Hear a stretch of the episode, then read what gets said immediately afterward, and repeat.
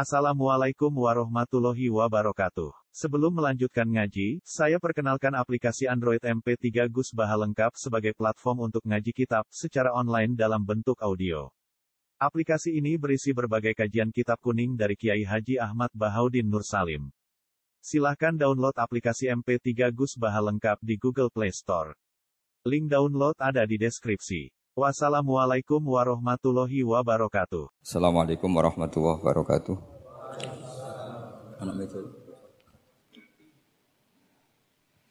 Bismillahirrahmanirrahim. Wa salli wa sallim ala habibina nabiyina Muhammadin sallallahu alaihi wasallam wa ala alihi wa sallam wa ba'du. Uh, kajian siang ini halaman 291 tentang fi wujuhi mukhotabatihi. Jadi ikutnya annaul khati wal khamsun.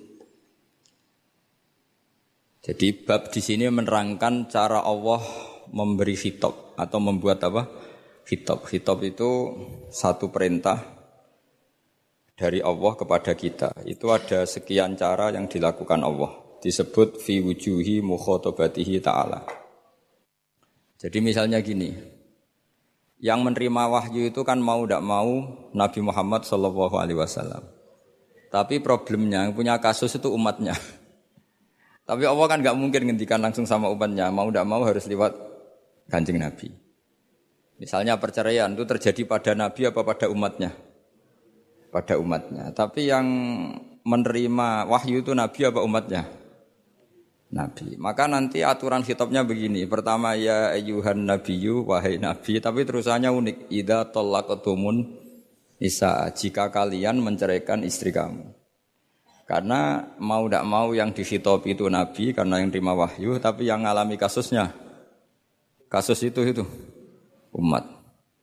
Utang yang gitu, nabi itu tukang utang apa tidak? Kan tidak.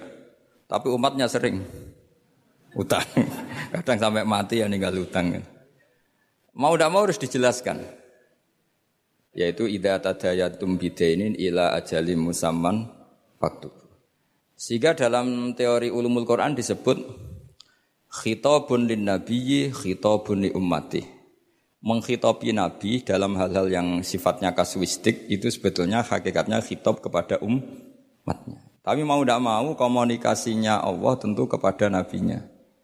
Tapi yang punya kasus itu obatnya kayak kasus tolak, kasus utang piutang.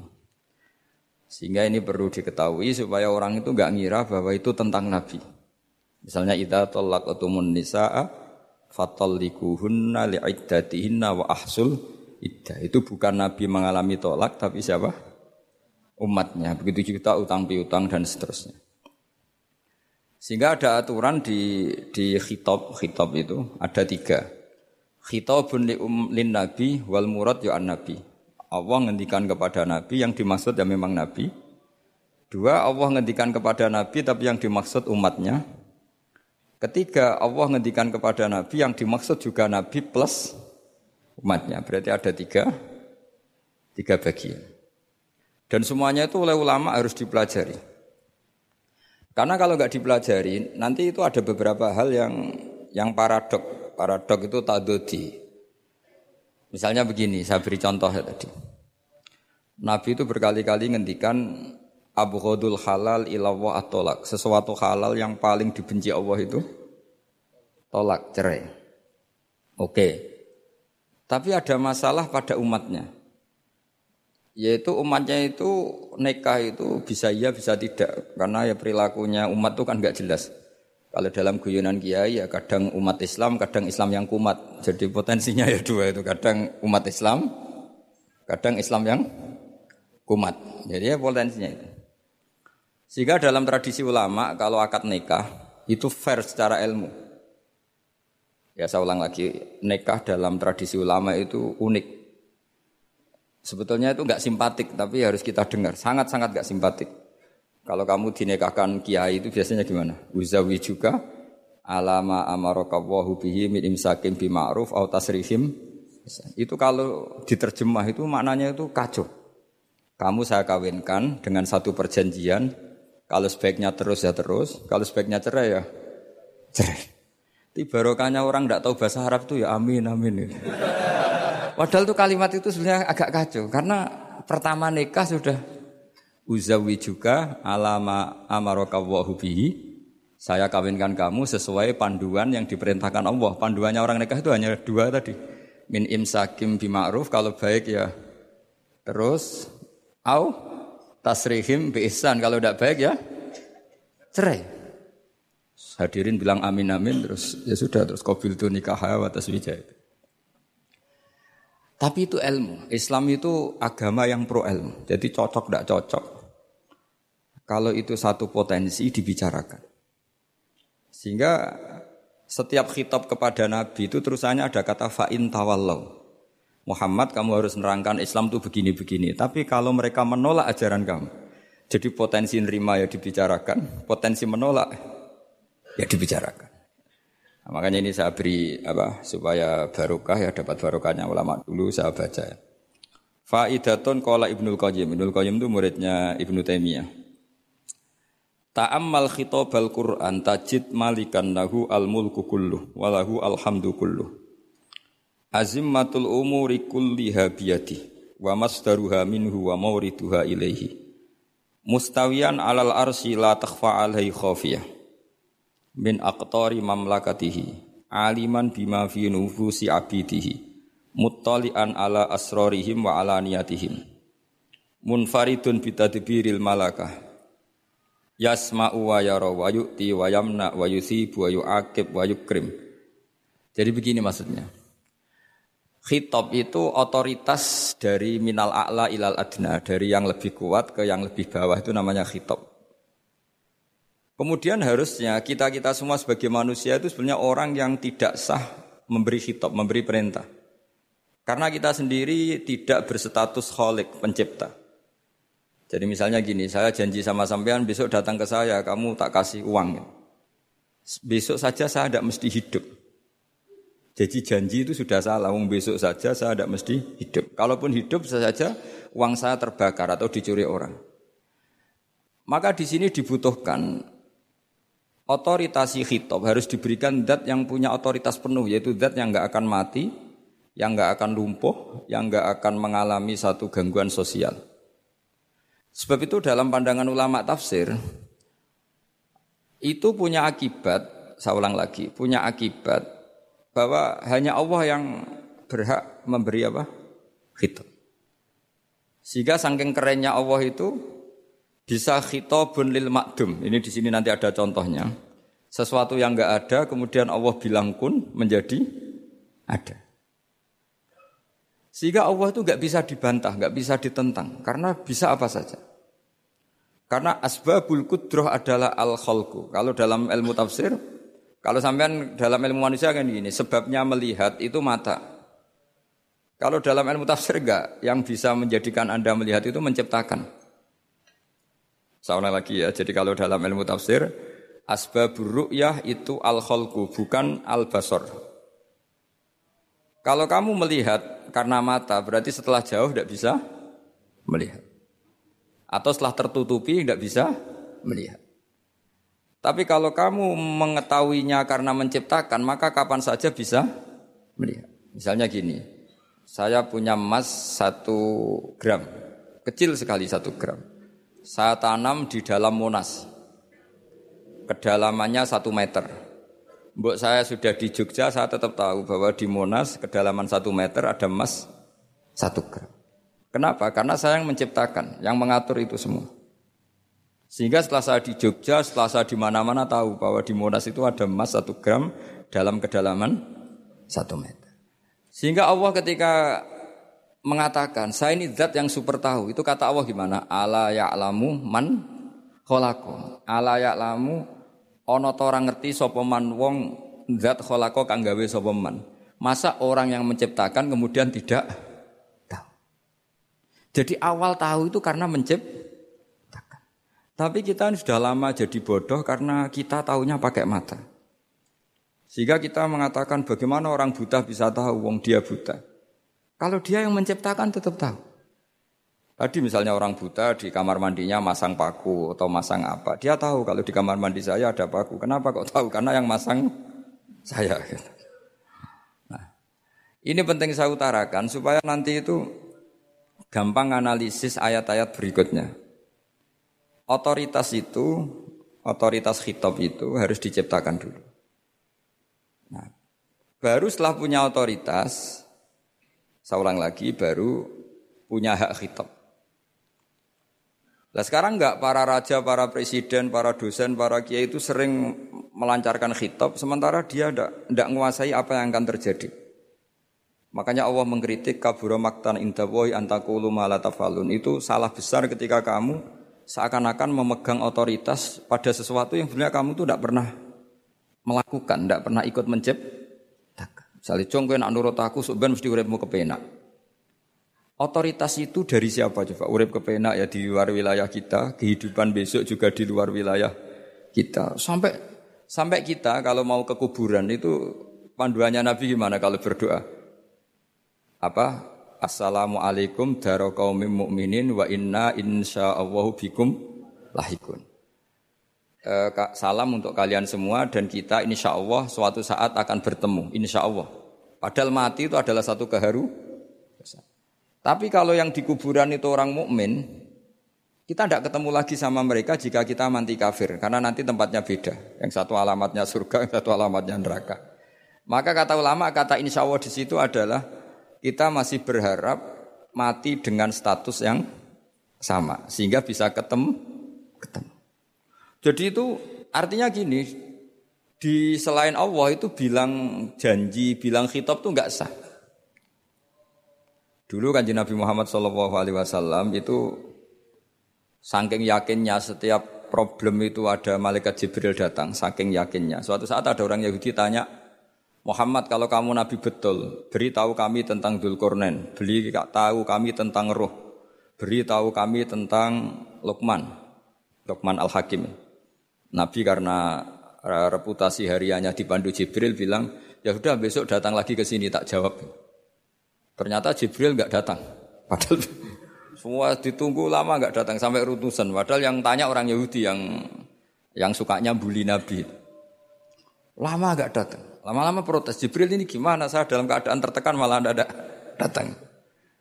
Datang-datang Jibril dengan tanda kutip nyalah. Yaitu ada ayat wala taqulanna li syai'in inni fa'ilun dzalika ghadan illa ayasyawa. Jangan katakan besok bisa melakukan sesuatu tanpa mensandarkan itu semua kepada kekuasaannya Allah Subhanahu wa taala. Akhirnya semenjak itu Nabi mensyariatkan kalau kamu janji harus mengatakan insya Allah.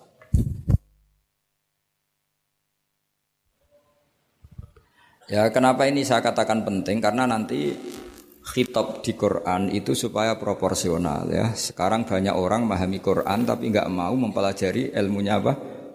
ilmunya apa? Quran. Termasuk ilmunya Quran tadi ya, ada tiga ingat ya. Khitabun lin nabi itu bisa saja khitabun li ummati. Yaitu dalam kasus-kasus yang Nabi tidak ngalami kasus itu tapi yang ngalami umatnya. Nah kenapa khitabnya tetap kepada Nabi? Karena yang bisa komunikasi dengan Allah itu hanya Nabi. Makanya bisa dilihat di ya Yuhan Nabiyu itu mufrad muzakkar. Nabi Muhammad itu satu orang yang berstatus lelaki. Kemudian idza tolaktum itu kalian semua. Harusnya kan kamu karena dari satu orang ke satu orang. Tapi ini enggak. Wahai Nabi, jika kalian umatmu gitu. Jadi karena yang alami tolak itu umatnya. Terus kedua, khitabun lin nabi dan yang dimaksud itu memang nabi, kayak sholat tahajud. Sholat tahajud itu sholat yang memang untuk nabi ya. Karena tahajud yang menjadikan punya hak syafaat itu hanya Nabi. Sehingga ketika ulama, Nabi itu wajib tahajud, tapi kalau umatnya hanya sunat tahajud. Jadi Nabi itu termasuk ya kelebihannya sekaligus bebannya wajib apa? Tahajud. Tapi bagi umatnya sunat. Kenapa? Karena Nabi ingin sekali punya hak syafaat. Kemudian sama Allah diberi instruksi, diberi syarat wa minal laili fatahajjat bihi nafilatallak asa ayyab asa rabbuka maqama mahmuda. Muhammad kalau malam kamu harus tahajud supaya kamu nanti diberi hak syafaat. Itu kalau umatnya tahajud nggak boleh sampai diteruskan ayat-ayat sa ayat asuka karena kamu punya tidak punya hak syafaat. Di syafaat saja tidak mesti. tapi tapi Nabi harus tahajud supaya punya hak apa? Dan perlu dicatat syafaat itu hadisnya sahih semua di Bukhari ada di Muslim ada. Cuma orang berlebihan cara menolak syafaat atau mengimani syafaat. Ada yang berlebihan ngimani sampai tidak pernah ngamal baik, mentang-mentang nanti dapat syafaatnya kanjeng Nabi. Ada yang nggak percaya syafaat. Itu ya kebablasan juga padahal itu ada di hadis sahih semua cerita syafaat. Itu khitabun Nabi dan yang dimaksud memang Nabi. Sehingga umatnya tidak wajib tahajud tapi Nabi wajib Terus ketiga, khitabun Nabi sekaligus khitabun ummati. Itu yang dimaksud di hadis Arba'in Nawawiyah. Wa inna wa ta'ala amaral mursalin bima amaral bil mu'minin atau dibalik amaral mu'minin bima amaral bil mursalin. Dibolak-balik sama yaitu para nabi ya dikhitabi memakan sesuatu yang toyibat para orang mukmin juga kena khitab memakan sesuatu yang apa? Toyibat ini sama. Jadi ya ini ada tiga berarti ya. Khitabun lin nabi. Tapi yang dimaksud umatnya khitabun lin nabi yang dimaksud adalah nabi saja. Terus ketiga khitabun lin nabi yang dimaksud plus umatnya. Nah kajian seperti ini, ini penting karena kesalahan Khawarid. Khawarid itu satu kelompok ekstrim yang tidak mengikuti Sayyidina Ali, juga gak mengikuti Sayyidina Muawiyah. Tidak mengikuti Ali, juga gak mengikuti Muawiyah. Disebut Khawarid. Khawarid itu jamaknya Kharijah. Dia keluar dari pikiran ala Sayyidina Ali, juga pikir, keluar pikiran dari Muawiyah. Di sini disebut dia khurut. Khurut dari kata Khawarid. Serba keluar, dia tidak mengikuti sana, tidak mengikuti sini. Akhirnya disebut Khawarid. Nah Khawarij itu orang yang berpikir sesuai kritik yang dilakukan Quran. Tapi mereka lupa bahwa yang punya otoritas kritik itu Allah. Karena yang kalau boleh sama-sama terganggu, kerajaannya itu hanya Allah. Gini saya beri contoh ya. Yang punya hak ketika sepeda motor saya kamu pakai, yang punya hak menentukan itu nggak sap apa pinjam itu saya apa orang lain? Saya. Ketika yang pakai gak pamit itu teman akrab saya atau anak saya atau orang yang saya ridhoi, itu namanya gasap apa pinjem gak pamit? ya udah, ini harus jelas. Tadi pagi saya ngaji direktorat saya bilang di fikih itu ada istilah ulima ridhohu. Sesuatu tidak pamit formal tapi sudah diketahui ridhonya. Makanya di fikih ada bab namanya mu'atoh. Tadi pagi saya terangkan ya. Di perdebatan fikih itu ada bab namanya apa? Mu'atoh. Mu'atoh dari kata ato yu'ati mu'atotan. Saling uh, uh, transaksi yang non verbal tapi maklum. Ya seperti kalau kamu marung itu contohnya. Kalau kamu marung di kantin terus makan gedang goreng itu nyuri apa beli coba? Jawab saja. Kalau dikatakan beli kamu belum bayar. Kalau dikatakan nyuri terang-terangan. Coba kalau mbak-mbak milih mana itu nyuri apa beli? Kalau beli belum bayar. Kalau nyuri kok kok terang-terangan ya. Gak nyuri apa beli? Jadi ada gedang goreng di warung, kamu datang langsung makan, ada kerupuk dimakan, ada telur asin dimakan. Itu nyuri apa beli? Nah, itu itu kalau orang fikih dibabkan. Dibabkan kita bul ilmu atau akad beli lewat jalur mu'atoh. Menurut Imam Abu Hanifah, seperti itu dikatakan be. Beliau pakai dalil al-adat muhakamah, bahwa adat itu berposisi seperti hukum. Karena posisi di warung, maka ngambil di situ dianggap memulai akad jual beli. Tapi karena ini sesuatu yang yang potensi masalah, Imam Syafi'i mengatakan itu enggak baik, enggak sah. Karena nanti kalau asumsi kamu gedang goreng itu seribu, ternyata diregani lima ribu kan mangkel. Nah itu resikonya di situ, ya kan? Tapi kalau misalnya itu dikatakan, makanya Imam Syafi'i mengatakan itu profesional. Itu namanya hormu. Ketika anda bayar lima ribu, itu namanya tebusan kesalahan. Jadi Imam Syafi'i melihat itu tidak jual beli, tapi tebusan kesalahan. Sehingga kalau saya jadi hakim, misalnya pembeli bilang, asumsi saya seribu Gus. Terus kata baek, kata penjual, ndak Gus itu tak jual lima ribu. Saya harus memenangkan baek. Memenangkan siapa? Penjual. Karena penjual adalah pemilik gedang goreng itu. Dan posisi yang makan adalah perusak barang orang lain. gitu. Sehingga dimenangkan penjual. Ya, dimenangkan penjual. Kenapa dimenangkan? Karena cara berpikir fikih karena dia yang punya otoritas itu, punya otoritas kepemilikan. Itu dalam fikih madhab apa? Syafi'i. Nah, itu penting dalam analogi surga dan neraka. Orang khawarid itu kalau ada orang dosa, itu dikatakan sudah tidak Islam lagi, dia sudah keluar dari Islam. Orang dosa itu wajib disiksa oleh Allah. Mereka bilangnya ya wajib. Dalam kelompok Islam itu ada kelompok namanya khawarid orang yang sangat ekstrim dalam berpikir. Dia mengkafirkan orang yang melakukan dosa apa? Besar, dihukumi kafir. Tapi pendapat ahli sunnah ndak, orang dosa besar ya dosa saja, tapi tidak usah dihukumi kafir. Kenapa? Cara berpikir ahli sunnah surga neraka itu milik Allah. Kalau yang punya saja tidak apa-apa, ngapain ada yang ribet? Yang punya surga neraka itu Tuhan dan Tuhan memanggil-manggil orang yang salah itu disuruh tobat anibu ila rabbikum. Wahai hambaku yang berlebihan yang masih dosa, ayo kembali ke saya. Kapan saja kembali ke saya tak terima. Sehingga dalam madzhab ahli sunnah, otoritas hitam, otoritas kepemilikan yang berhak ya yang punya, orang lain itu nomor dua.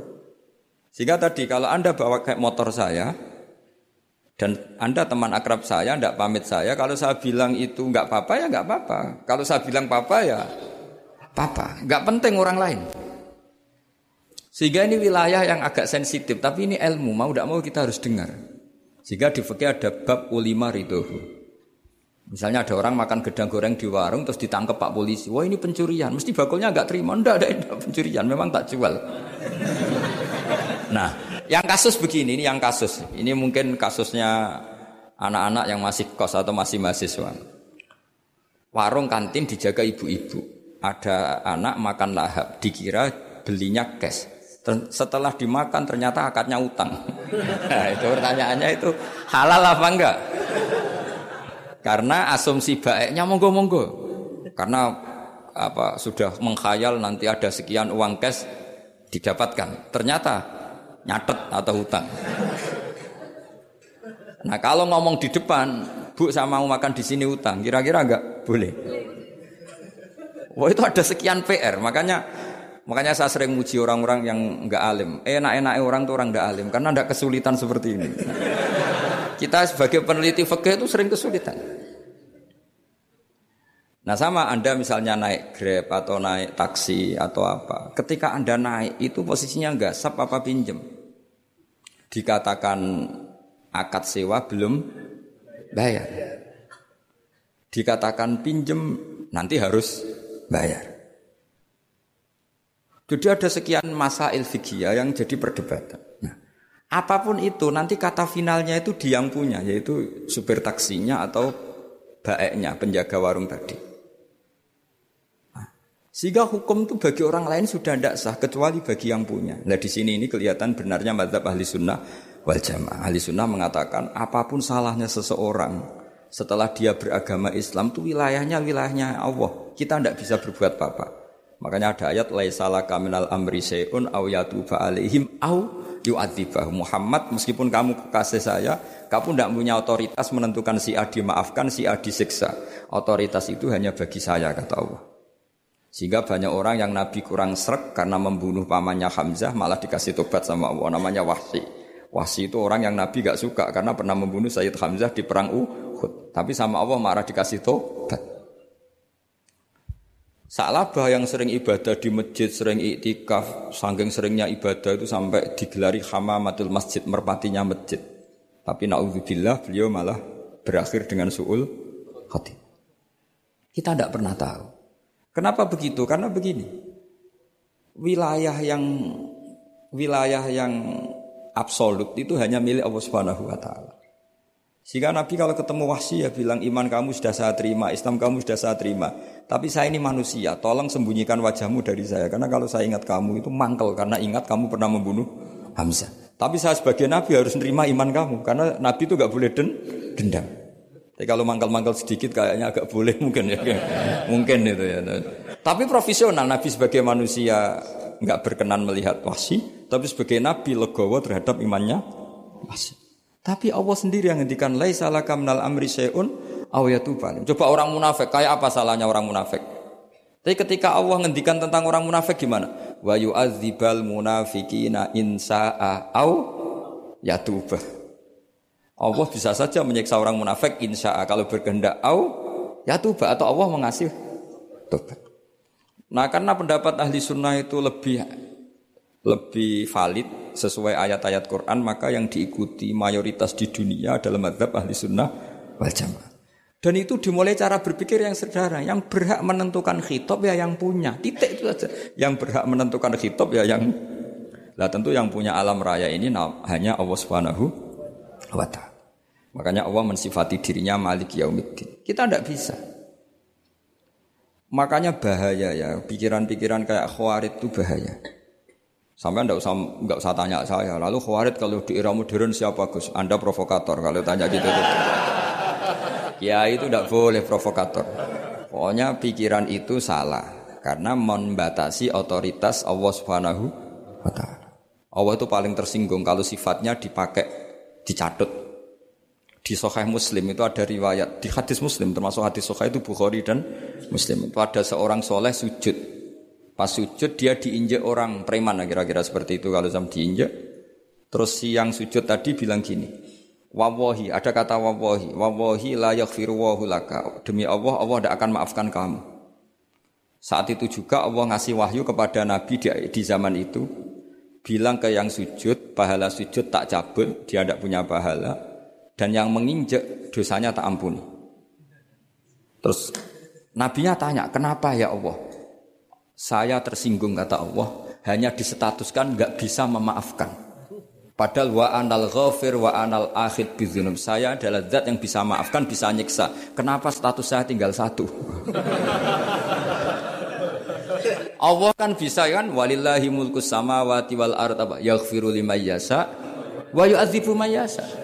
Tapi siang sujud tadi menstatuskan Allah hanya satu, yaitu yu'adzib. Menyik. Itu kata Allah, kok enak, saya ini Tuhan, bisa menyiksa, bisa mengampuni. Kenapa status saya jadi satu? Kamu kan mesti gak terima. Status kamu dihilangkan satu, terima gak? Gak terima. Sebagai suami kamu tetap punya dua status, bisa meneruskan nikah, bisa menceraikan. Coba status kamu tak ambil satu, nggak boleh menceraikan. Istri kamu gendut, walek cerewet. Wah, posengnya bukan main itu. Sama mbak-mbak juga sama. Sebagai istri harus nurut sama suami gini-gini, tapi juga punya hak rafa, hak mengajukan gugatan cerai jika suaminya tidak jen. Mau nggak dicabut status hak rafa? Nggak mau kalau punya suami suwelek, jelek, sengaja goda perempuan lain, itu kan Nah, Allah itu punya status bisa memaafkan, juga punya status bisa menyiksa. Terus orang-orang yang sok soleh dengan tanda kutip itu kadang-kadang inginnya Allah tuh nyiksa terus sama musuhnya. Kalau sama dia memaafkan terus. Terus corong Jawa kan aku mbahmu tapi kan gitu kira-kira. Kok enak gitu. Nah, jadi ya sudah seperti itu. Lagi-lagi kata kuncinya apa? Beri otoritas itu hanya kepada Allah Subhanahu wa taala karena dia adalah pemilik otoritas sejati. Sehingga zaman Nabi siapa saja itu ya mungkin orang kaya apa dulu Khalid bin Walid. Perang Uhud kalah itu panglimanya orang kafir zaman itu siapa? Khalid bin Walid. Dan dia melakukan pembunuhan masif zaman itu. Tapi dia dikasih tobat. Namanya Khalid bin Walid. Tapi Sa'labah yang tukang di masjid kadang berakhir seperti itu. Ya, ya sudah, akhirnya kita mau tidak mau ya sudah introspeksi. Sampai sesoleh apa pun kita selalu diajarkan doa ya mukallibal qulub sabit kolbi ala dini. Karena kayak apa kalau hati kita dibolak-balik? Karena cara berpikir tentang Islam dan tentang ateis atau tentang kekafiran itu mirip mirip satu visi. Makanya hati-hati mahasiswa karena senangnya berpikir sendiri. Kadang ngelantur ke mana-mana. Saya beri contoh. Saya beri contoh. Sampai kalau sekarang masih miskin, berbahagialah. Karena miskin itu mudah jadi orang dermawan. Kalau orang sudah kaya itu ribet. Coba misalnya sampean jadi santri saya, tak contohkan biasanya santri kalau sama kiainya akan loyal. Kamu miskin punya ayam dua, tak minta satu boleh enggak? Boleh, padahal itu 50 persen. Ya, terus punya uang 100 ribu, tak minta 50 ribu kira-kira boleh enggak? Boleh, padahal itu 50 persen. Tapi kalau kamu kaya, punya uang 1 miliar, tak minta 500 juta, boleh enggak kira-kira? Padahal itu berapa? 50 persen. Gampang mana dermanya orang kaya sama orang miskin? Untuk mengamal 50 itu mahasiswa yang masih miskin-miskin. Uangnya hanya 100 ribu, neraktir temannya habis nggak masalah. Padahal itu berarti 100 persen. Uangnya 50 ribu diminta temannya dikasihkan semua. Padahal itu aset satu-satunya. Nah, salaba itu cara berpikir gitu sehingga Allah tersinggung. Saya beri contoh ya, Salabah itu singkat cerita kan kalau habis jamaah salam langsung lari pulang. Terus ditanya sama Nabi, kenapa kamu ke susu pulang gitu? Istri saya di rumah masih belum pakai baju karena gantian sama saya. Saking miskinnya tuh baju itu gantian. Sama nggak usah bayangkan lalu di rumah telanjang kayak apa? Berarti kamu porno, kamu porno berarti tidak boleh. Pokoknya ceritanya seperti itu, tidak usah lari, gantian pakai itu. Singkat cerita, ya Rasulullah, saya ini didoakan kaya. Sampai tiga kali Nabi bilang e, bisa saja miskin itu lebih baik bagi kamu. Lama-lama sampai memaksa Nabi akhirnya Nabi berdoa. Terus beliau kaya dan Salabah agak salah dia nggak minta paket kaya barokah tapi mintanya kaya saja diturutin kaya. Pertama punya kambing di di pegunungan ya kalau di Arab itu kan kambing diletakkan di Jabalen, Mabinal Jabalen di antara dua lembah itu itu 40 sampai 80 sampai 4000. Singkat cerita ketika 40 Nabi sudah memerintahkan sahabat diminta zakat. Berarti kalau 40 itu satu. Kalau 80 kira-kira dua. Ya sudah gitu. Sebetulnya ketika 40 kalong satu terkurangi satu zakat itu kan ringan karena masih 39. Ya kayak tadi kamu punya uang satu juta. Jangan satu juta, 500 ribu sudah agak berat kamu. Tidak gini saja, tak beri contoh. Betapa mudahnya dermawan bagi orang miskin. Satu juta itu kan zakatnya berapa? 25 ribu ya. Rubu lusur kalau dalam bahasa Arab itu berapa? Kalau bahasa kampus kan berapa? 2 persen 2,5 ya? 2,5 itu bahasa keliru sebetulnya. Sama ikut saya saja. Saya itu berkali-kali saya pernah garap matematika cepet-cepetan mbak pakar matematika. Itu mesti cepet saya. Karena saya ini agak bedui. Orang bedui itu cara berpikir itu lebih gampang. Jadi kalau orang Arab tak ajarin matematika Arab ya itu nggak ada porogapit. Jadi begini cara berpikir orang Arab itu berpikir bertahap. Ya kalau 2,5 itu kalau orang Arab bilang rubul usur apa? Rubul usur, seperempat dari seper sepuluh. Jadi kalau orang Arab berpikir bertahap. Jadi misalnya satu juta, sepersepuluhnya berapa? Seratus ribu. Terus seperempatnya berapa? 25 ribu. Jadi disebut rubul usur, seperempat dari seper sepuluh. Jadi satu miliar, cari sepersepuluhnya dulu, 100 juta. Terus seperempatnya. Sehingga nggak usah porogapit ruwet. Jadi orang Arab kalau bilang sepersepuluh sama seperdua puluh itu tidak bisa. Karena nanti tidak porogapit. Orang Arab bilang al usur atau nisful usur. Misalnya zakatnya apa itu zuru, berarti 100, sepersepuluhnya berapa?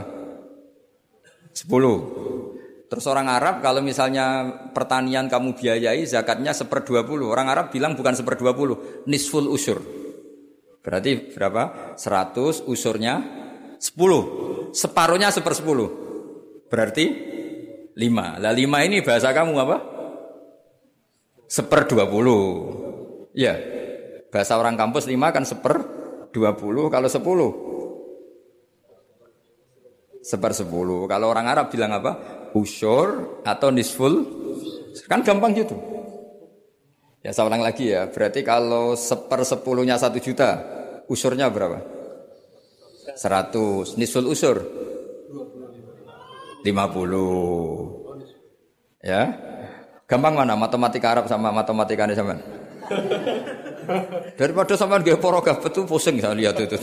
Ya sudah gitu aja. Pokoknya di diusurkan semua. Orang Arab kalau bilang itu diusurkan semua. Berarti satu juta Misalnya zakat zakat mal kan 2,5 berarti 1 juta usur dulu berarti 100 ribu. Lah zakatnya itu rubul usur seperempat dari seper sepuluh ya di seper sepuluh dulu berarti 100 habis itu rubul usur seperempat dari seper sepuluh berarti jadi gampang saja satu juta tulis saja langsung seratus ribu usur terus seper empatnya dua lima. Gampang mana? Gampang lagi pakai kalkulator. nah, sekarang begini. Kira-kira kalau kamu punya uang satu juta diminta zakat 25 ribu enteng enggak? Enteng. Biasa kan kita punya uang satu juta naktir teman sampai habis 100 ribu 200 enteng. Tapi kalau sudah 10 juta 10 juta berarti rubul usurnya berapa? 250. Kalau satu miliar 25 juta. Wah itu sudah pikiran kamu kan bikin toko baru, bikin konter baru. Nah kalau 100 miliar Berapa? 200 Nah, sak labah ini ketika dimintai zakat ketika 40 enggak, masih kambing 40 enggak mau, 80 enggak mau, sampai hampir 4000. Kalau 4000 misalnya digawe rata-rata 51 aja digawe bulat ya. Berapa sebenarnya? Per, serat, per, per seribu kan 20. Ya kan? Per seribu kambing kalau dipakai 50 saja per seribu kambing berapa? 20 kan? 20. Kalau 4000? 80. Kira-kira itu misalnya dipakai 50, apalagi itu 40 lebih banyak lagi. Akhirnya ngomentari sahabat yang disuruh Nabi ngambil zakat. Wah ini tidak zakat, pemerasan. Karena jumlahnya sudah signifikan. Maka kalau kamu ingin dermawan sekarang itu bisa dermawan 50 persen. Itu punya dua ayam kurus lagi. Diminta masjid untuk syukuran. Bawa aja punya kambing kurus dua. Nah, kamu hanya itu. Ada panitia masjid minta sumbangan, kasih aja satu. Sudah ngamal 50 persen. Tapi kalau punya sapi limusin dua, yang per satu harganya 70 juta. Kalau diminta satu kan nilainya tetap 50 persen. Gampang mana? Orang miskin sama orang kaya ngamal. Orang miskin. Terus kedua hebatnya orang miskin itu kalau ngamal itu dramatis. oh, itu. Betul itu.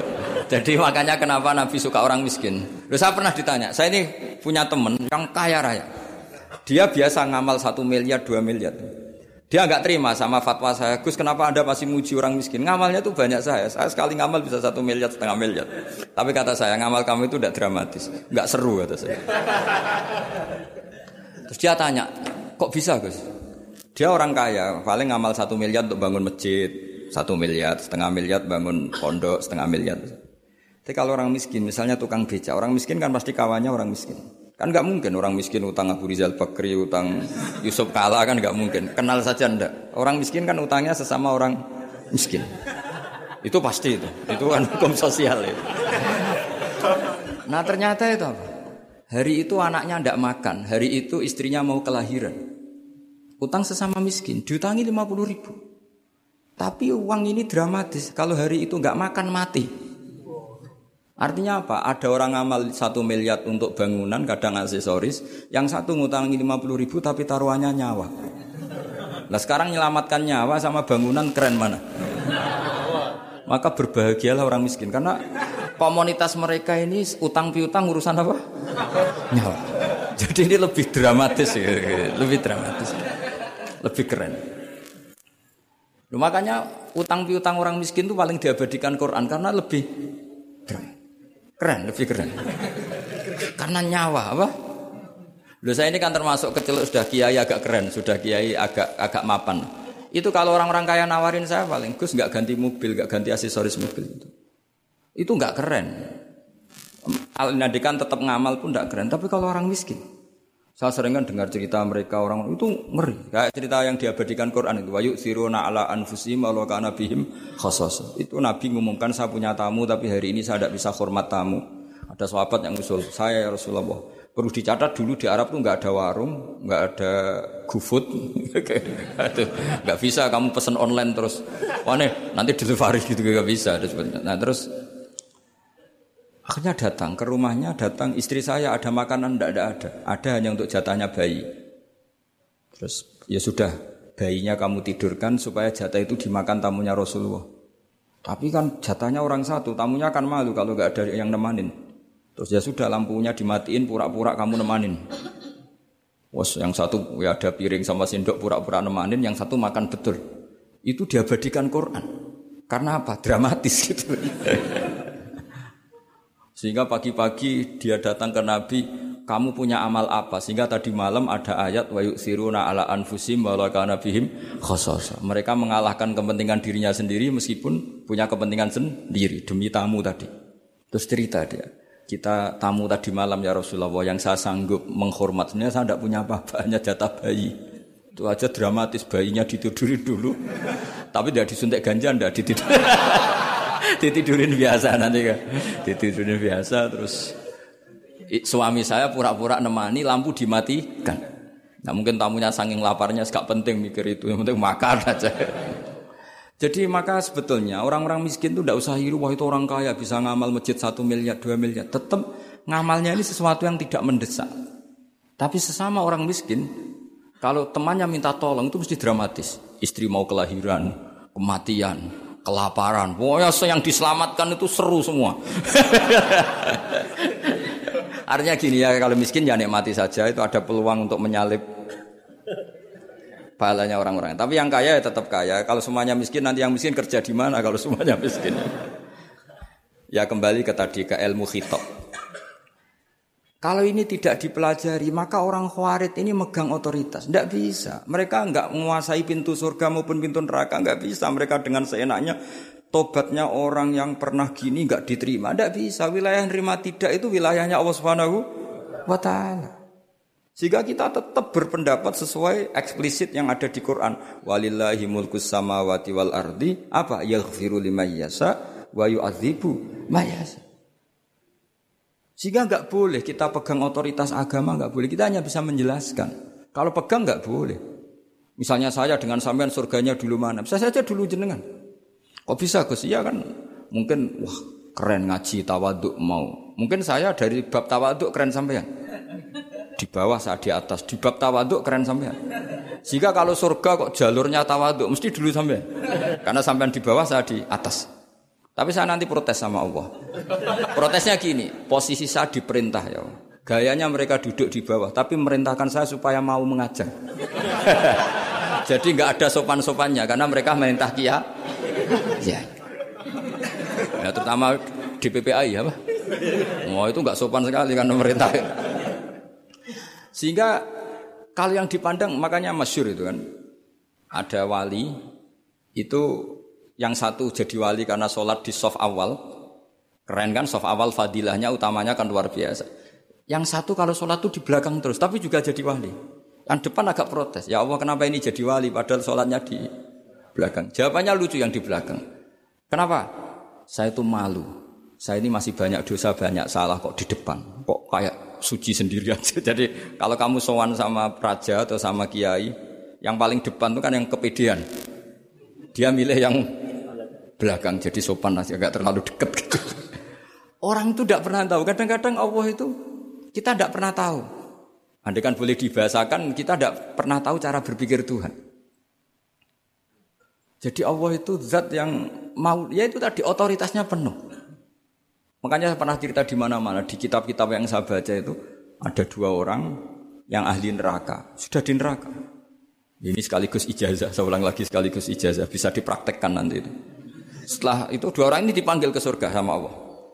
Allah itu tanyanya ya aneh, enak di neraka. Ya udah enak di neraka. ya gak enak di neraka kok ditanya enak enggak ya gak enak.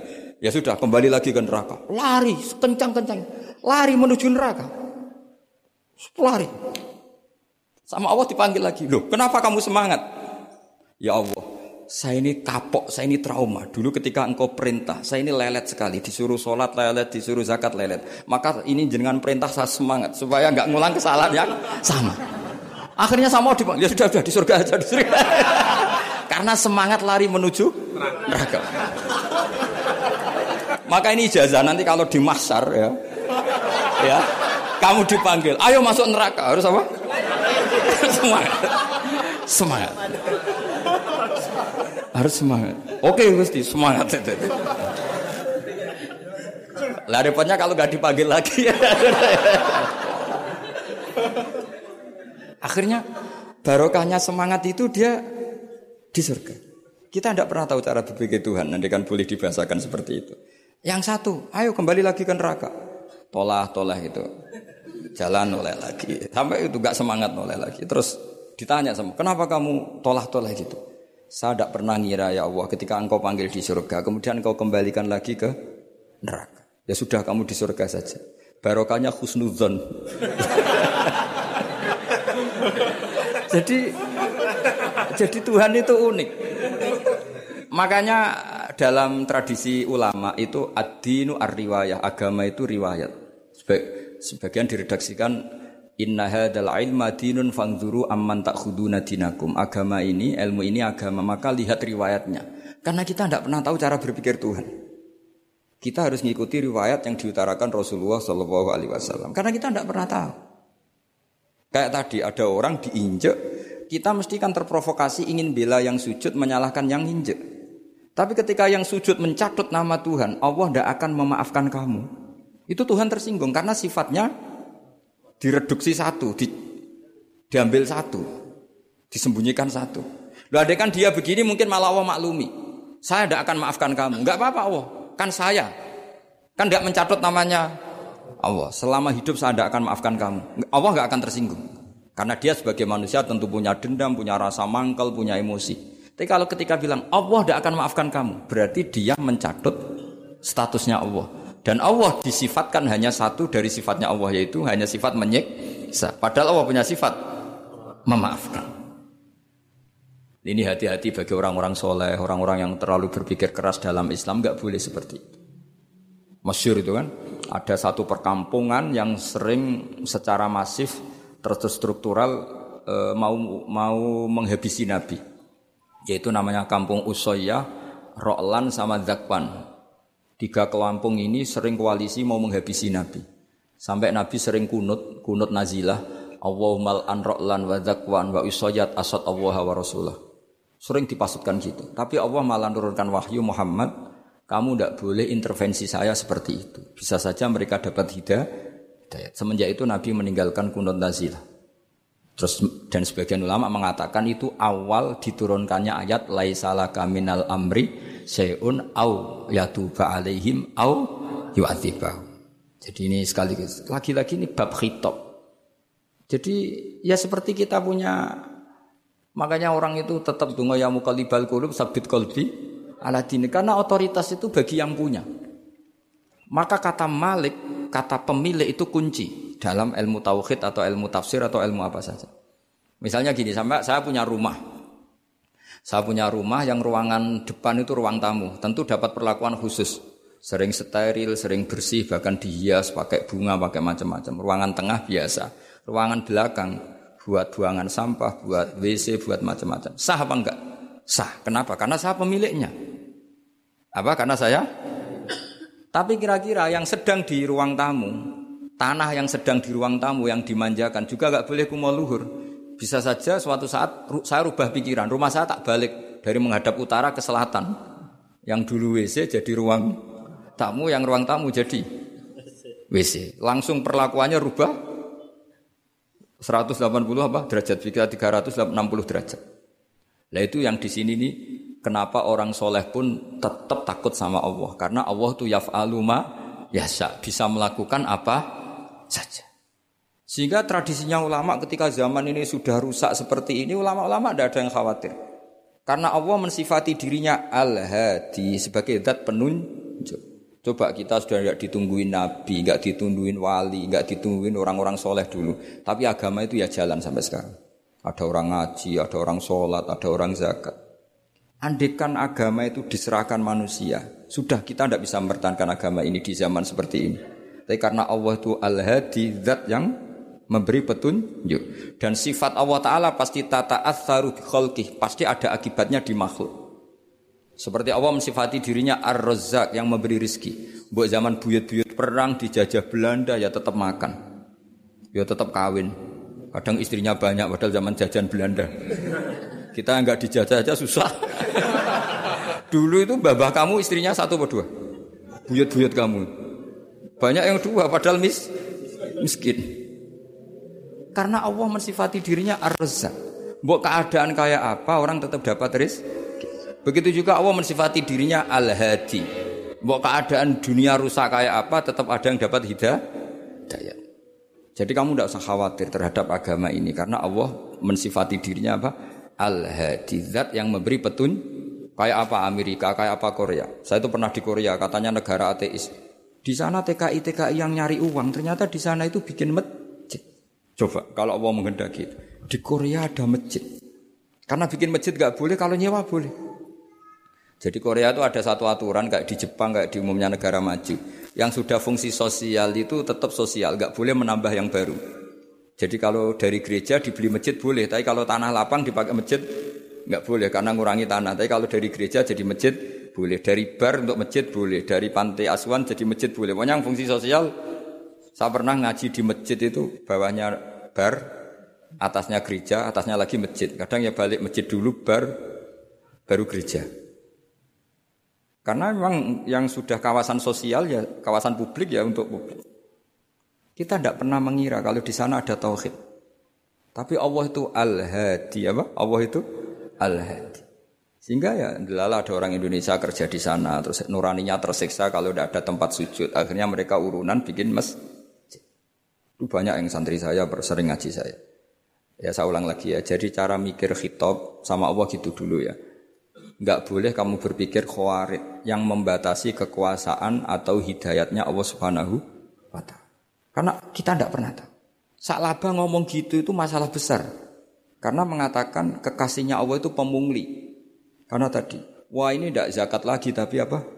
Pungli. Ini apa?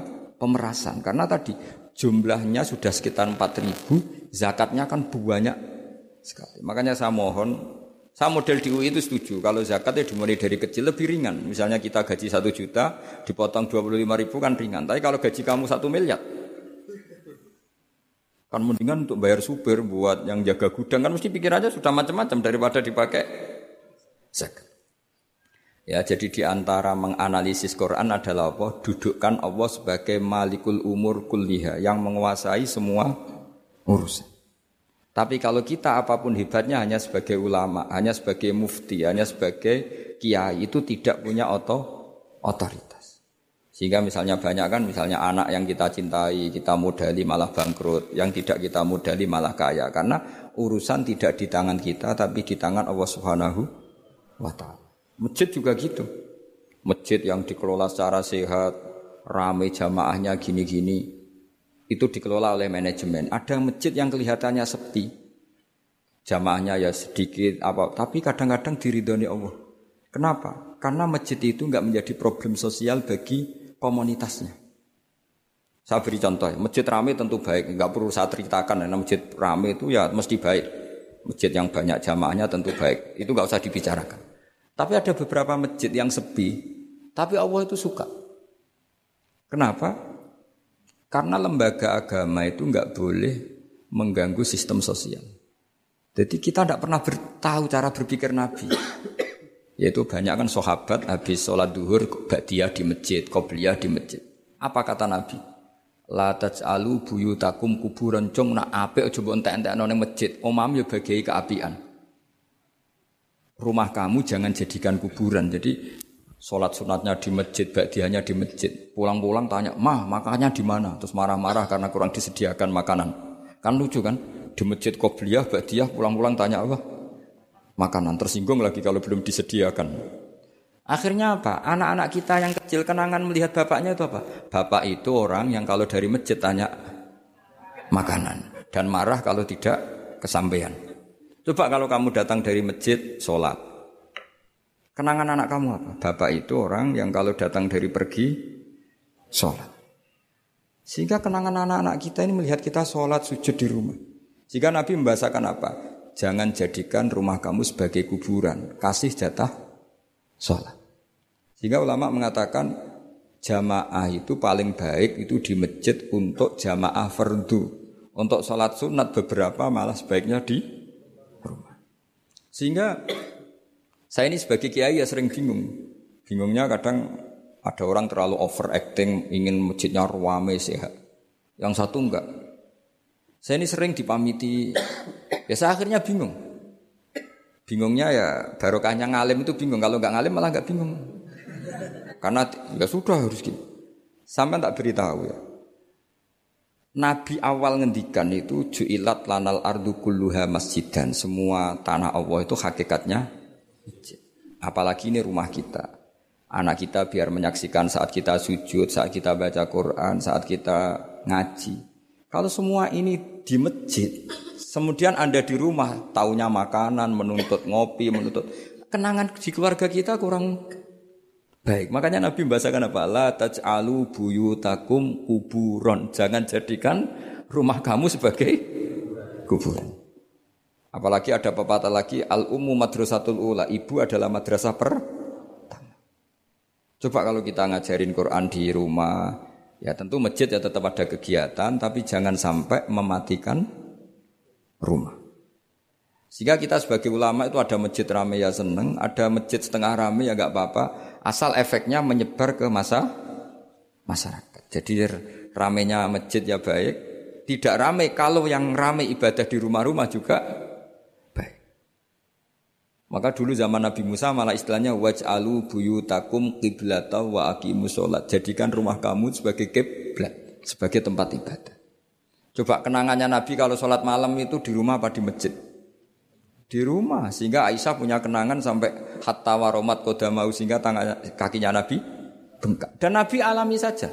Kamu kira Nabi sholat punya kayak anak-anak sekarang kan yang kayak ada ruang sholat. Ternyata hanya dipasang sajadah sama tasbih nggak pernah dipakai. Kalau Nabi enggak yang dipakai Sayyidah Aisyah itu ya tempat sholat. Sehingga kata Aisyah Nabi itu sholat di tempat tidur saya. Kalau Nabi sedang berdiri kakiku tak selonjorkan kalau Nabi sujud, kakiku tak ingkretkan. Ya di tempat Ya di tempat Sayyidah Aisyah tidur itu. Nabi sholat. Pas berdiri kan berdirinya Nabi lama, Aisyah selonjor. Pas Nabi mau sujud, kakinya diingkretkan. Segampang itu Nabi. Akhirnya apa?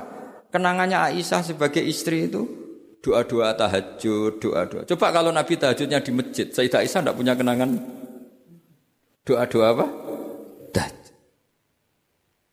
Sehingga kita harus ngikuti ngaji. Sehingga kalau nuruti teori ya sholat itu ibadah. Sebaiknya kalau ibadah ya di tempat ibadah. Tidak seperti itu cara pandang kata Nabi. Semua buminya Allah adalah saksi kita ketika ketemu Allah. Semakin saksi itu baik, banyak maka semakin baik. Maka kalau sholat sunat, kesunatannya itu pindah-pindah tempat. Tapi ya jangan terlalu habis di sini terus pakai mobil ke sana gitu. Iya kalau pas di perempatan ada orang cantik nggak jadi diterusin nanti.